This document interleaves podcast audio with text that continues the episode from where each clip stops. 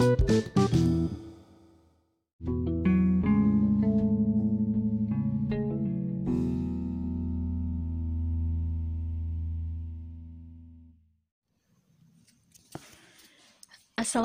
warahmatullahi wabarakatuh. Selamat datang kembali di channel Harafalin Podcast Tuan Rumah Harafalin Selamat pagi para pendengar di mana pun Anda berada. Berjumpa kembali bersama Harafalin Dan kali ini kita berada di episode yang ke-62. Tetap pembahasan kita mengenai buku yang berjudul uh, Sukses dengan Mental Wira Swasta. Karya Dr. Andes Didin Burhanuddin. Insya Allah ya sampai pada episode beberapa kali ke depan lagi kita akan menamatkan audiobook serial buku ini. Untuk poin yang keenamnya kita langsung saja. Untuk poin yang keenamnya adalah tentang keinginan yang menyala-nyala Buat kamu yang baru saja bergabung, selamat mendengarkan. Semoga dapat mengambil secercah kebaikan di sini dan insya Allah bermanfaat untuk siapa pun, di mana pun, dan kapan pun dia bisa mendengarkan podcast. Baik, untuk keinginan yang menyala-nyala atau hasrat yang menyala-nyala, di mana pada sebuah renungan, selama ini kita menyetujui akan pertanyaan-pertanyaan kepada diri kita.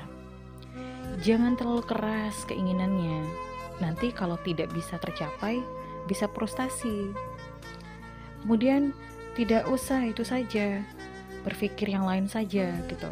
Bukankah dunia ini luas? Masih banyak kok hal-hal yang hal-hal lain yang bisa kita gali, yang bisa kita raih gitu. Terus yang penting kita bisa hidup gitu. Apa pun yang kita peroleh bukan soal.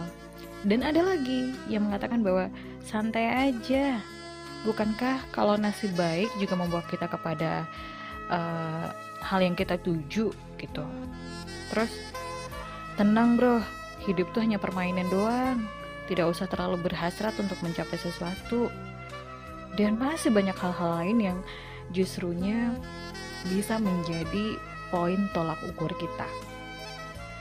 Atau juga ada yang bilang hidup itu kayak air, air mengalir aja gitu. Santai aja slow aja. Atau kalau emang adalah milik kita dia bakal kembali ke kita kok gitu. Nah benar sekali-sekali kita wajib mengatakan itu kepada diri kita tapi bukan dalam waktu yang rentang uh, rentangan waktu yang amat panjang gitu. Karena secara tidak langsung itu malah membuat diri kita merasa bahwa oh iya ya gak usah ngapain gitu ya. Oh benar juga ya gitu. Ya udah deh ini aja gitu. Akhirnya kita tetap berada di garis batas yang tidak pernah naik setelahnya. Ibaratnya tuh hidup kita tuh ngeflat aja gitu. Nggak ada tantangannya. Karena kita ngerasa dari awal oh iya hidup itu kan ngalir. Ya udah gue dulu aja gitu ya. Nggak ada usaha yang lebih serius daripada itu. Bukankah Allah Subhanahu wa taala juga mengatakan bahwa tidak akan mengubah nasib suatu kaum sebelum kaum itu mengubah nasibnya sendiri. Berarti ayat ini sudah menerangkan kalau kita nggak berusaha, kita nggak maksimalin apa yang kita ingin capai, ya kita juga bakal mendapatkannya, cuman hasilnya akan berbeda gitu. Nah, penyebab hal ini terjadi adalah kita merasa frustasi gitu dan tidak mengerti mengapa kita harus mencapainya ketidaktertarikan kita kepada orang yang hendak mencapai sesuatu itu bener ragu-ragu setengah-setengah aliasnya. Dan kita merasa bahwa dunia ini luas gitu dan kita bakal mencapai pelabuhan juga kok kalau misalnya kita berada di suatu dermaga gitu ya. Dan terus hal lainnya adalah kita benar-benar merasa bahwa kalau memang nasib baik kita menuju ke sana, kita akan dipertemukan di sana dan kesempatan-kesempatan yang telah datang ke kita itu kita tidak melihatnya dengan sungguh-sungguh. Bagi kita hidup adalah permainan. Siapa yang siapa yang benar-benar bisa, ya udah lanjut gitu. Dan kalau kita nggak bisa, ya nggak masalah juga. Nah, hal ini yang membuatnya merasa betul-betul terbelenggu dengan mainstream yang seperti itu. Dan kemudian untuk jalan keluarnya adalah yakinkan diri kita bahwa kita bisa mencapainya, bahwa kita bisa meraih mimpi kita itu dan kuncinya adalah pada hasrat yang menyala-nyala. Kita tidak boleh ragu-ragu, teman-teman. Apakah tujuan itu benar-benar akan menjadi sebuah hal dasar untuk mengubah kehidupan kita. Kita tidak boleh melupakannya selama kita meniti tangga tersebut, kecuali dalam waktu kita lagi melaksanakan sholat gitu. Bahkan ketika sudah selesai sholat pun kita kembali mengingatnya, bermunajat kepada Allah bahwa melaporkan kita benar-benar menginginkan hal itu. Dan dengan ikhtiar dan doa, insya Allah ya, Allah akan wujudkan karena Allah tidak pernah tidur dan Allah juga tidak akan pernah menyanyiakan hamba-hambanya yang telah berjuang gitu. Jadi kalau misalnya kita masih terbelenggu dengan kalimat-kalimat uh, yang seperti tadi gitu, maka bisa dikatakan hal-hal yang ingin kita capai itu agak sulit untuk terwujudnya. Baik kita lanjut kepada seuntai kisah tentang perjalanan salah seorang Dr. David Livingstone. Dia merupakan um, salah seorang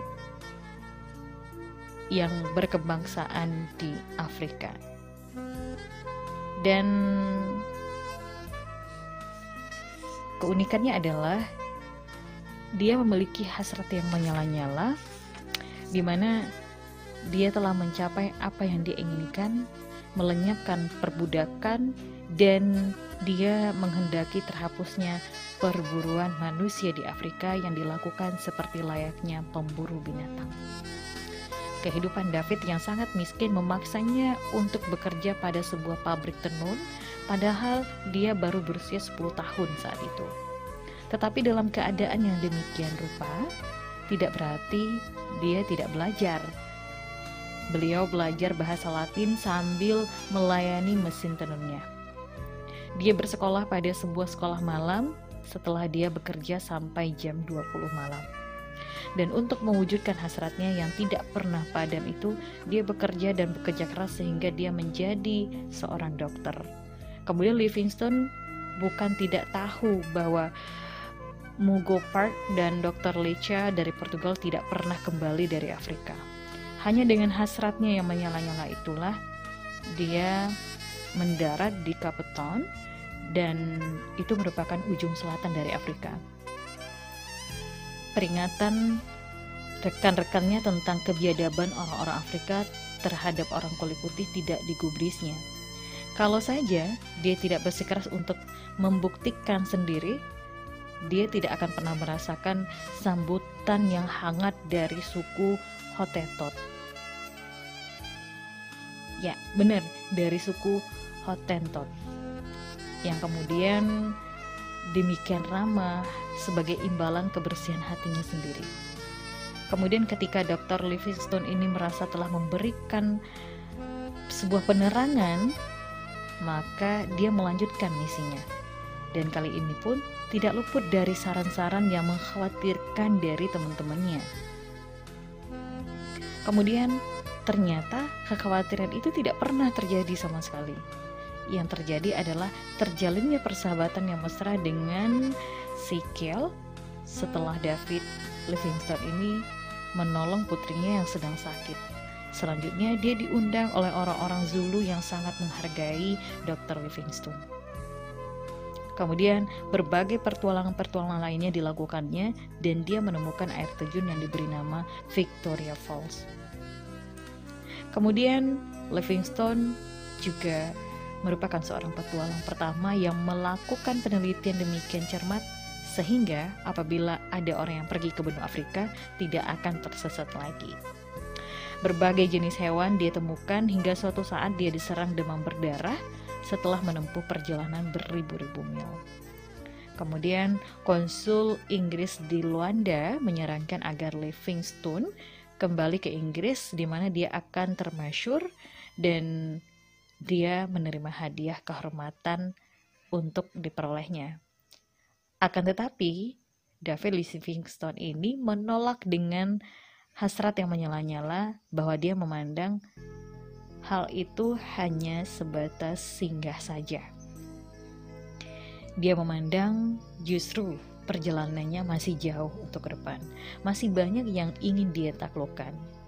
Kemudian dia jatuh sakit dan dia harus pulang ke Inggris atas perintah dari pimpinan New York Herald Gordon Burnett Jr. yang mengutus wartawannya untuk mencari David dan menyuruhnya pulang ke Inggris. Kemudian Dr. Livingstone ini menolak karena dia harus berjerih payah sampai akhir hayatnya untuk melenyapkan penyakit yang paling gaib di dunia ini, yaitu pemburuan orang-orang Afrika untuk dijadikan budak. Di samping, dia harus melenyapkan kalimat belum diselidiki pada peta benua Afrika. Kemudian David Livingstone ini menepati janjinya dan dia baru pulang ke Inggris setelah rekan-rekannya memasukkan jenazahnya ke dalam peti mati dan dibawa pulang. Dan sekarang dunia mengenangnya. Oke, jadi itulah seuntai kisah dari Dr.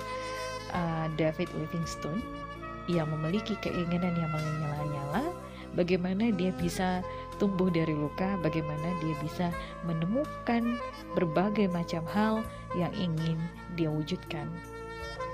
Dan dia mematahkan semua argumentasi yang mengatakan bahwa itu tidak mungkin terjadi dan itu hanyalah ilusi. Buktinya, dia melakukannya dan dia pun banyak menemukan hal-hal yang tidak pernah dia pikirkan sebelumnya. Seperti contohnya Victoria Falls, sebuah air terjun yang dia beri nama sendiri. Dan juga kaitannya dengan Al-Quran sangat banyak sekali, di mana ketika kita yakin menjadi wajada, maka tidak ada yang tidak mungkin ketika Allah untuk mewujudkannya. Mungkin itu dulu podcast pada kesempatan kali ini. Terima kasih untuk yang senantiasa mendengarkan. Tetap diterima kritik dan saran yang membangun untuk perbaikan podcast ke depan. Saya Harafali mengucapkan terima kasih. Wassalamualaikum warahmatullahi wabarakatuh.